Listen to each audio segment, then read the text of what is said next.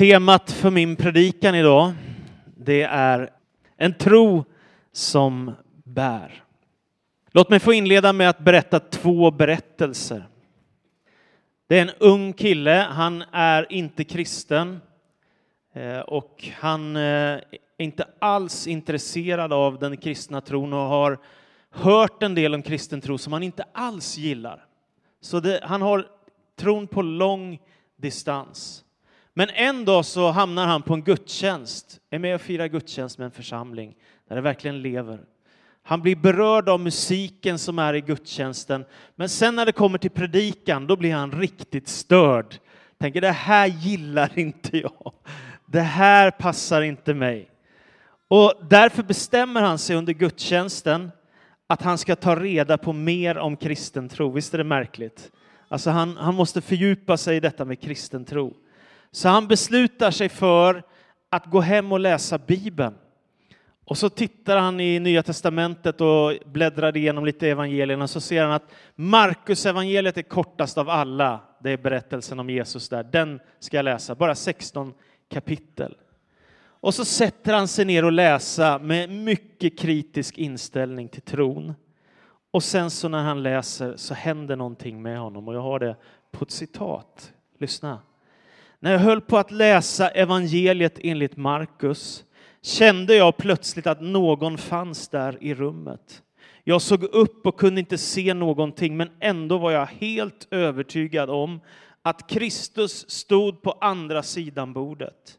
Från detta ögonblick skedde en fullständig förändring i mitt liv. Jag kände att det inte kunde finnas någon annan uppgift i mitt liv än att dela med mig till andra av den glädje som förvandlar livet, som blivit uppenbarad för mig genom Jesus Kristus. Visst är det fascinerande? En människa som inte alls har sökt Gud, som inte alls har varit intresserad av Jesus, kommer till en gudstjänst, blir störd av det han hör, börjar läsa Bibeln och så händer det här. Och idag är han församlingsledare och arbetar för att sprida evangeliet om Jesus Kristus. Trons mirakel, visst är det fascinerande att bli såld på Jesus. Nästa berättelse. Det är kväll och Jesus och hans lärjungar sätter sig i en båt för att fara över till andra sidan sjön. Allt börjar så bra, det är rofullt och det är stilla och Jesus lägger sig akten på båten på en dyna där och somnar i båten. Så fridfull är kvällen. Och sen så ger de sig ut på sjön. Men helt plötsligt så börjar det blåsa och det kommer en kraftfull vind och det blir som storm på sjön där de är ute. Och ändå sover Jesus fortfarande fast det gungar så mycket så att båten börjar ta in vatten. Då börjar lärjungarna bli riktigt, riktigt rädda, så de går bort till Jesus i akten på båten och så säger de Mästare, bryr du dig inte om att vi går under? Jesus vaknar till och i ett nu så hutar han åt vinden och vågorna att vara stilla. Och sjön blir spegelblank och vinden stannar upp. Och då säger Jesus så här till lärjungarna. Varför är ni rädda? Har ni ännu ingen tro? Varför är ni rädda? Har ni ännu ingen tro? Det är ju en rätt märklig hälsning som Jesus ger till sina lärjungar, eller hur? Jag tror att vi alla vet det att när stormarna drar igång i vårt liv, oavsett vad det handlar om, då kan man få kämpa med tron och man kan få kämpa med tvivel. Och kanske säger man till Jesus som de säger, Mästare, bryr du dig inte om att vi håller på att gå under här? Alltså vakna, kom igen. Men Jesus säger någonting som jag tycker skär rakt in i hjärtat. Har ni ingen tro?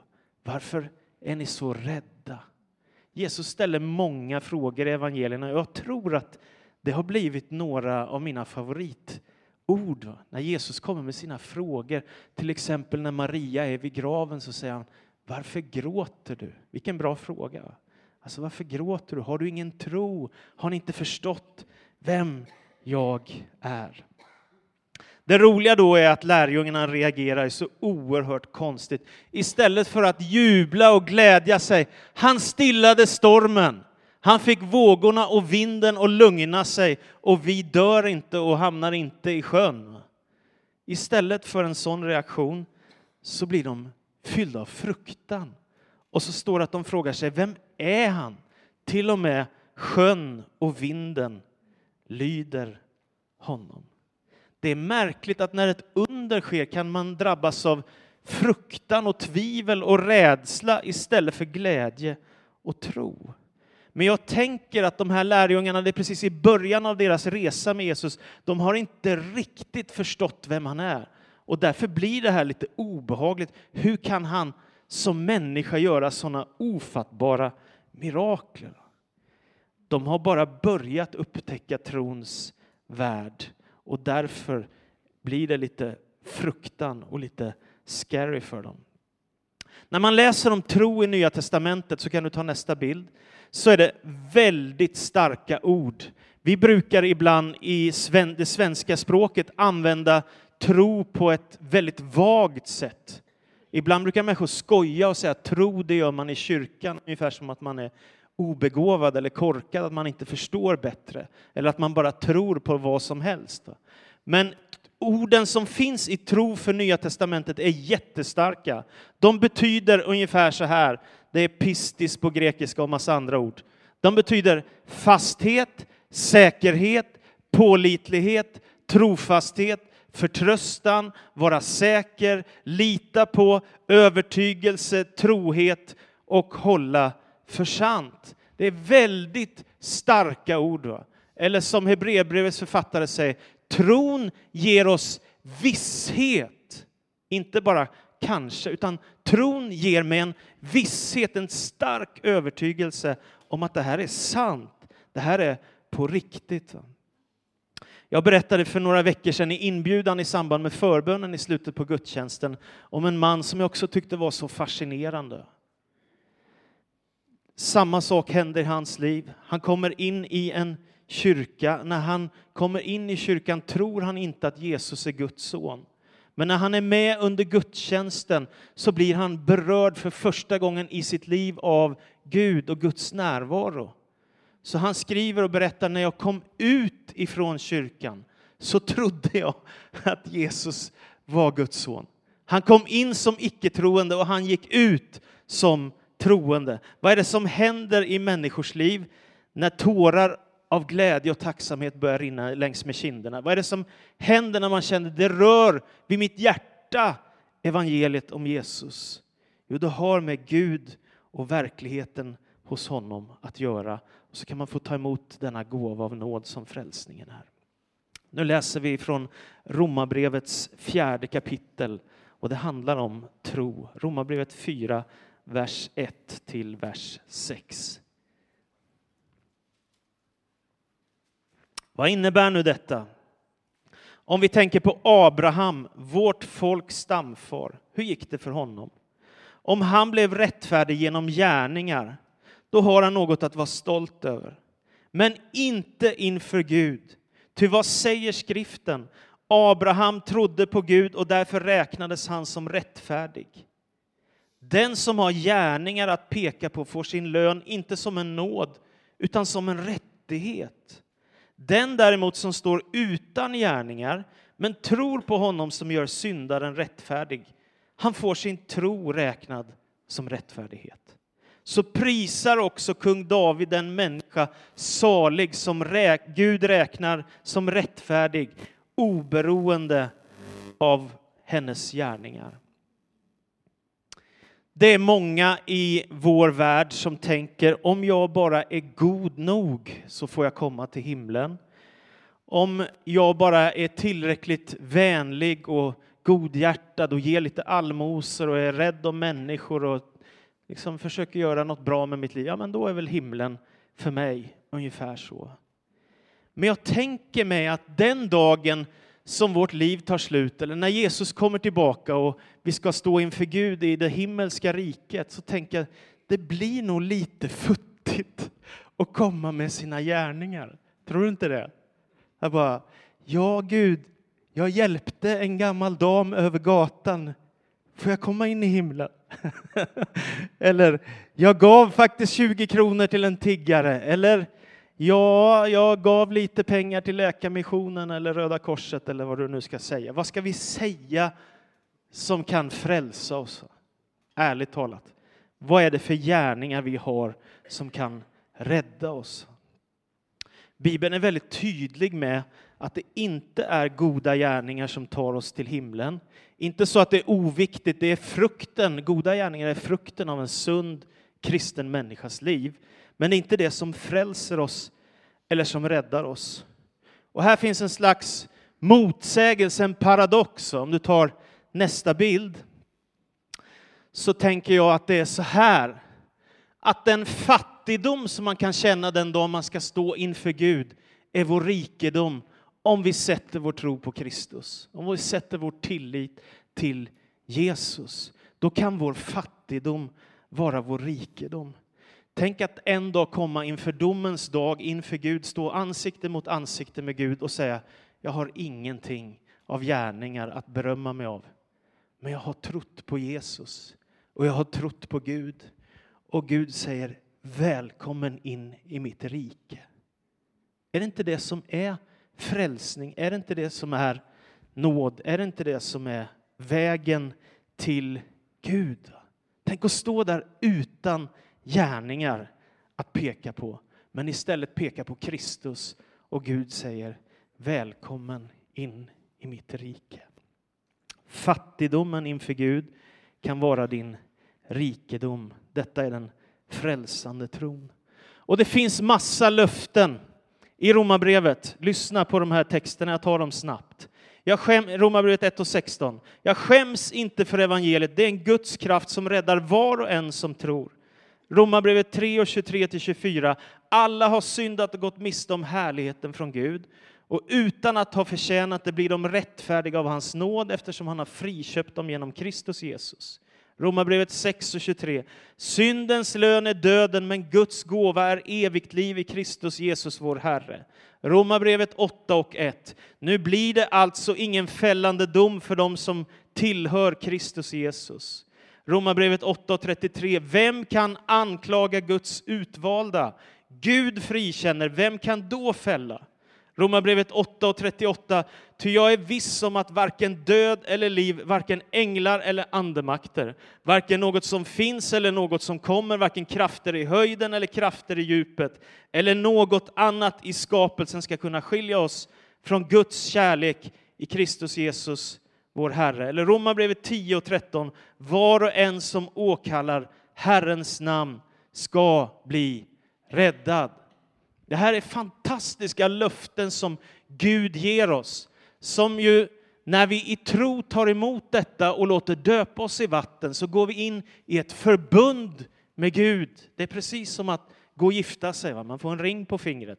Istället får vi dopvatten som tecken i vårt liv på det som Gud har gjort. Jag skäms inte för evangeliet, säger Paulus. Det är en Guds kraft i frälsning för alla som vill ha med Gud att göra. Men hur ska det gå för mig på domens dag? Och då säger Paulus, vem kan anklaga Guds utvalda? Om Gud frikänner, vem kan då döma? Det är rätt bra, eller hur? Om Gud säger att du är frikänd, vem kan då sätta dit dig? Va?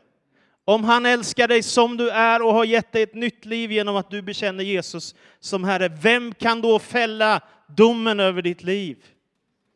Tänk på äktenskapsbryterskan som har gjort så mycket misstag i sitt liv och syndat. Och så säger Jesus, inte heller jag dömer dig.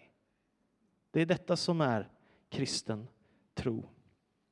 Men vad är då tro för någonting? Vad är tro? Jo, för det första, tro är en bekännelse. Jag bekänner att Gud är min Herre. Jag tror på himmelens och jordens skapare. Jag tror på Jesus Kristus som vägen till Gud. Och jag bejakar Jesus Kristus som min Herre och frälsare. Och Paulus skriver i Romarbrevet 10 och 9, om du med din mun bekänner att Jesus är Herre och i ditt hjärta tror att Gud har uppväckt honom från de döda så skall du bli räddad. Jag är så oerhört tacksam att jag har kommit in i den kristna trons värld.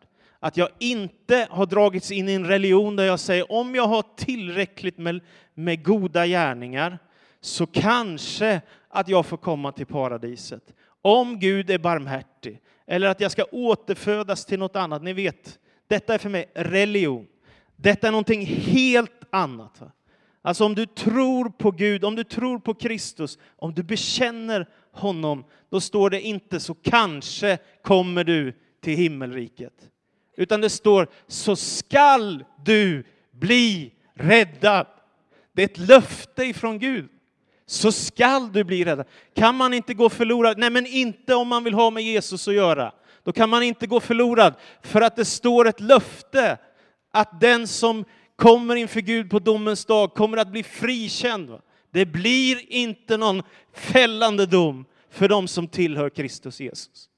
Det är detta som är evangeliet. Om vi skulle börja i andra ändan och tänka på vad har vi lyckats med och vad har vi inte lyckats med, då tänker jag att det är kört för alla människor. Och det är just det som synden handlar om. Det är kört för alla. Men Gud har en annan väg och den heter Jesus. Och den har med hans löften att göra, att de ska fullbordas, alla löften som han har gett till Abraham. Så tro är bekännelse. Tro är också tillit. När jag bekänner att Jesus Kristus är min, då erkänner jag inte bara att ja, det fanns en man som för 2000 år sedan vandrade här på jorden, gjorde lite gott och brydde sig om människor och det var det som hände. Nej, jag bekänner att Jesus Kristus är helt unik. Att han är Messias, den som Gud har utlovat genom sina profetiska skrifter. Att han är Guds son och därmed står över alla andra människor i världshistorien. Att vi därför säger Jesus är Herre. Att vara kristen är inte att tro på vad som helst. Att vara kristen är inte att man går runt och tänker massa andliga saker som inte har någon konsekvens. Det är precis tvärtom. För mig är kristen tro som ett ankare som jag fäster min båt i botten på havet, om ni förstår vad jag menar. Jag sätter fast mitt ankare så att tron i min båt, billigt talat, får ett fäste där jag vet att jag är säker. Oavsett vilka stormar livet för med sig så kan jag vara förankrad i Gud. Och Hebreerbrevets författare skriver tron är grunden för det vi hoppas på. Den ger oss visshet om det vi inte kan se. Det här är väldigt starka ord. Hur kan de säga så starka ord? Ja, jag tänker att vi säger ofta vi kan inte veta och kanske och kanske inte. Och det är mycket sådana här saker som kan komma när tvivlen kommer i vårt liv. Men jag tänker att de första kristna de har sett Jesus uppstånden ifrån de döda. Då kan man säga jag vet, jag vet, jag är viss om, jag har sett honom, jag har mött honom. Och det är dessa människor som har skrivit ner evangelierna och breven i Nya testamentet. Och jag tänker, vem i hela världen skulle också offra sina liv och bli martyrer för något som inte är sant? För det berättas i traditionen att alla av Jesu lärjungar blev martyrer för sin tro. Paulus blev martyr för sin tro i Rom, halshuggen. Petrus blev sin martyr för Kristus i Rom korsfäst upp och ner. Varför i hela världen skulle man offra sitt liv för något som inte är sant? De har mött Jesus ansikte mot ansikte. Därför kan de skriva Ja, tron ger mig visshet. Därför är tron en tillit till Gud, en övertygelse, en förtröstan på Gud. Tro är för det tredje överlåtelse. Och när man i den tidiga kyrkan skulle börja bekänna vad man tror så börjar man efter ett tag att skriva ner lite grann vad som är kristen tro eh, som har med överlåtelsen att göra. Och då kopplade man det till dopet i vatten när människor skulle döpa sig. Så det var intimt förknippat med varann. Tron och bekännelsen hade med dopet i vatten att göra. Det som Jesus själv instiftar, det som han själv säger. Om du tror på mig, då ska du också låta döpa dig i Faderns och Sonens och den helige Andes namn. Så kommer du in i förbund med Gud och Guds namn uttalas över dig och någonting fantastiskt händer som har med frälsning och evigt liv att göra. Därför inbjuder Gud dig till en personlig relation. Kristen tro har aldrig varit på jakt för att göra människor religiösa eller att ta människor in i en form av religion. Utan kristen tro har alltid handlat om att ta människor in i en kärleksrelation till Gud och till sina medmänniskor, till sig själv. Det handlar om en relation, inte en religion. Och det är därför som Paulus kan skriva också, när han har mött Jesus på vägen till Damaskus, efter att Kristus har dött på korset, efter att han har blivit begraven och så har han uppstått och så möter han Paulus på vägen till Damaskus när han ska sätta kristna i fängelse för han hatade de som var Jesus efterföljare. Men så möter han Jesus på vägen till Damaskus och där får han ett gudomligt möte med Kristus och det förvandlar hans liv och han blir urkyrkans viktigaste missionär. Och han säger, jag vet på vem jag tror.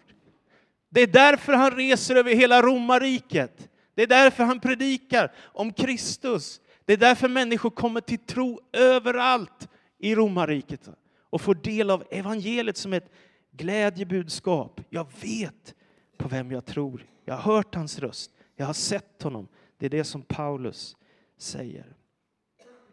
Det berättas om Levi Petrus. Han var pastor i Philadelphia kyrkan i Stockholm på 1900-talet. En väldigt lång tid, över 50 år.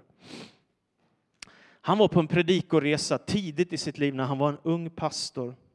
Precis före jul när han ska ha julgudstjänsten någonstans uppe i Norrland så får han höra ifrån sin fru Lydia att hon är riktigt allvarligt sjuk och läkaren har sagt att hon behöver opereras. Så illa är det. Därför avbryter han sin predikoresa. Han reser hem till Stockholm, till den församling där han arbetar och hem till sin fru. Och så tar de, de bara bestämmer sig för att vi ska ta en tid av bön och bara be tillsammans om hälsa i din kropp. Och så ber de en tid och så blir hon frisk. Hon blir helad. Helt fantastiskt. Under den här tiden så växer en sång fram i hans liv. Och vi sjunger den fortfarande fast den är över hundra år gammal, den här sången i vår kyrka ganska ofta. Den heter Löftena kunna ej svika. Och så står det i den andra versen så här. Gör så som Abraham gjorde. Blicka mot himlen upp. Och så medan du stjärnorna räknar så växer din tro och ditt hopp. Himmel och jord må brinna, höjder och berg försvinna. Men den som tror ska finna att löftena de står kvar. Abraham fick den här utmaningen ifrån Gud. Abraham, om du kan räkna stjärnorna, om du kan räkna sandkornen på stranden, så kommer din avkomma, ditt folk att bli efter din löftesson som du ska få av mig trots att du är gammal. Blicka mot himlen upp. Hur uppstår tron då? Paulus förklarar det också. Han säger i Romarbrevet kapitel 1, vers 19. Det man kan veta om Gud kan de ju själva se. Gud har gjort det uppenbart för dem. Ty allt sedan världens skapelse har hans osynliga egenskaper, hans eviga makt och gudomlighet kunnat uppfattas i hans verk och varit synliga. Du vet, skapelsen är ett vittnesbörd om Gud. Den finns inte bara här. Universum existerar inte bara av en slump, utan det är för att Gud i begynnelsen sa sitt ljus bli till. Dag och natt, allt detta som han skapar. Och så säger Paulus att det kan man se. Man behöver inte vara osäker. Och ärligt talat, hur i hela världen kan man tro att detta gigantiska universum som vi lever i har uppstått av sig själv? Det är fullkomligt obegripligt. Men att tänka att Gud har skapat detta, det är en fullt naturlig tanke. Och jag tror inte jag var mer än fem, sex år gammal när jag satt på Tynningö i Stockholms skärgård hos min faster Gun-Britt och Ingvar Gullstrand. De hade ett fint sommarhus där. Och så satt jag vid, nere vid, havs, eller, jo, vid havskanten nere vid deras brygga och så tittade jag ut över havet och så tittade jag på bergen på andra sidan vattnet där. Och så tänkte jag, det, det här är Gud. Alltså, är ni med? Att jag, man, redan som litet barn kan man konstatera att här finns någonting som inte går att förklara mänskligt. Detta har med Gud att göra. Jag tänker det var nog första gången jag anade Gud i mitt liv. Men det är inte nog med att gå och ana och kanske tänka att Gud finns på grund av att jag ser det vackra i skapelsen. Utan när Paulus går vidare, kan du ta nästa bild, hur uppstår tron då?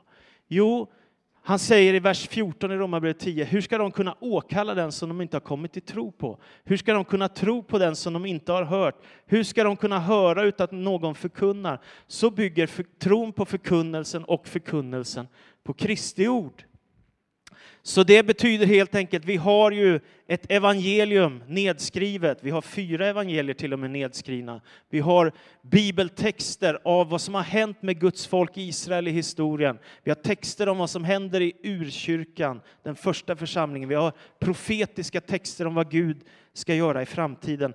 Alltså, någon kan predika Guds ord, Kristi ord, Därför att de finns nedtecknade av ögonvittnen, av profeter, av lärjungar, människor som har vandrat med Jesus. Så tron bygger på förkunnelsen. Och vad bygger förkunnelsen på? Förkunnelsen bygger på Jesu Kristi ord. Och om Jesus Kristus är Guds son så finns det ingen som är viktigare att lyssna på än honom. Så hur uppstår tron? Jo, tron uppstår genom att du ser på skapelsen. Tron uppstår genom att du läser eller hör Kristi ord eller Guds ord. Tron uppstår när du börjar förstå vem Jesus är. Och sen kan du också få vara med om ett möte själv med Jesus, precis som Paulus var med om. Martin Luther som var en stor reformator på 500-talet, han skriver på ett ställe Gud måste säga dig i ditt hjärta. Detta är Guds ord. Alltså Gud måste säga i ditt hjärta, detta är Guds ord. Och så behöver du ta till dig hans ord. Och jag tänker, jag är så, jag tycker att jag är så lyckligt lottad för nu har jag hört tusentals predikningar och jag är skyldig till några av dem själv. Och jag har gått på bibelskola i ett år och jag har gått på teologiskt seminarium ett antal år. Och det är så många människor som har predikat evangelium för mig. Det är så många som har väglett mig in i Guds ord. Och jag är så oerhört tacksam för det. För det är det starkaste budskap jag har mött och hört. Det finns ingen som kan trumfa det som jag hör när jag läser texterna i den här boken. Vad gör jag då? Jag går mot slutet nu. Vad gör jag då om tvivel kommer? Vad gör jag då? Jenny Antonsson ringde mig för ett tag sedan. Hon var barnpastor här förut i vår församling och jobbar nu i Europaporten i Malmö, en annan pingstförsamling, södra Sverige. Och så pratade vi om vad, vad gör man när livet är svårt och hur talar man om kristen tro när livet är tufft och man går igenom svåra tider. Vi pratade om det en, en stund. Och sen så var vi överens om att, att problemet är inte när svårigheter kommer eller när vi möter prövningar, det är inte det som är problemet, utan problemet är om vi distanserar oss ifrån Gud. Det är det som är det stora bekymret. Och vi konstaterar också, för hon frågade mig, vad ska jag säga om det här? Och då sa jag så här, du kan säga så att alla människor går igenom svårigheter. Jag har ännu inte mött en enda människa som inte har gått igenom prövningar, svårigheter, sjukdom, kamp, lidande. Alla människor har tider som är tuffa. Det inte, finns inte någon som klarar sig undan, utan alla människor drabbas. Men därför så är det också så hoppfullt att Jakob skriver i första, du kan gå tillbaka där, Jakob i kapitel 1, vers 3 en av Jesu lärjungar. Ni vet ju att om er tro består, provet ger den uthållighet. Så vad gör man när livet krisar, när allt är tufft? Och man håller sig nära Jesus. Man håller sig nära Gud. Vet, en relation går inte sönder bara för att livet är tufft, utan det är ju beslut att distansera sig som gör att relationer går sönder. Därför är det så viktigt att om tvivel, om, om du går igenom kriser och prövningar, så sök dig närmare Jesus, sök dig närmare Gud. Jag kommer ihåg Pelle Hörnmark, han sa till mig, som nu är Europaledare för pingströrelsen, han sa till mig när jag gick igenom en tuff tid för många år sedan, så sa han, lyssna på mer lovsång, be mer, sök dig närmare Gud, läs Bibeln mer, gå på fler gudstjänster. Ja, det är bra medicin, vet du. Det är bra medicin när vi går igenom tuffa tider. Så jag tänker så här att tvivel kan komma, men om man söker sig nära Gud så går tvivlen över. Det är min övertygelse.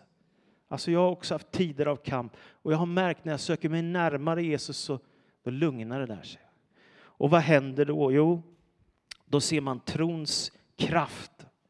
För vi har tillgång till nådens tron genom Jesus Kristus. Och vi är kallade att leva av tro. Och vi är Guds barn genom tron. Och vi blir rättfärdiga genom tron. Och vi blir förlåtna genom tron på Jesus Kristus. Och den helige Ande tar sin boning i oss genom tron. Och vi är beskyddade inför Gud på grund av tron. Och vi tar oss igenom prövningar i tro. Och vi får kraft genom tron och vi ska segra genom tron och vi ber för dem som är sjuka i tro och vi är på väg mot evighetens värld i tro. Eller hur? Tron ger så mycket kraft när du tar Gud på allvar i ditt liv. Och som avslutning, den tidigaste ursprungliga trosbekännelsen, den bestod av bara tre ord. Jag tycker den är underbar. Jesus är Herre. Jesus är Herre. Det behöver inte sägas mer. Jesus är Herre, då vet jag.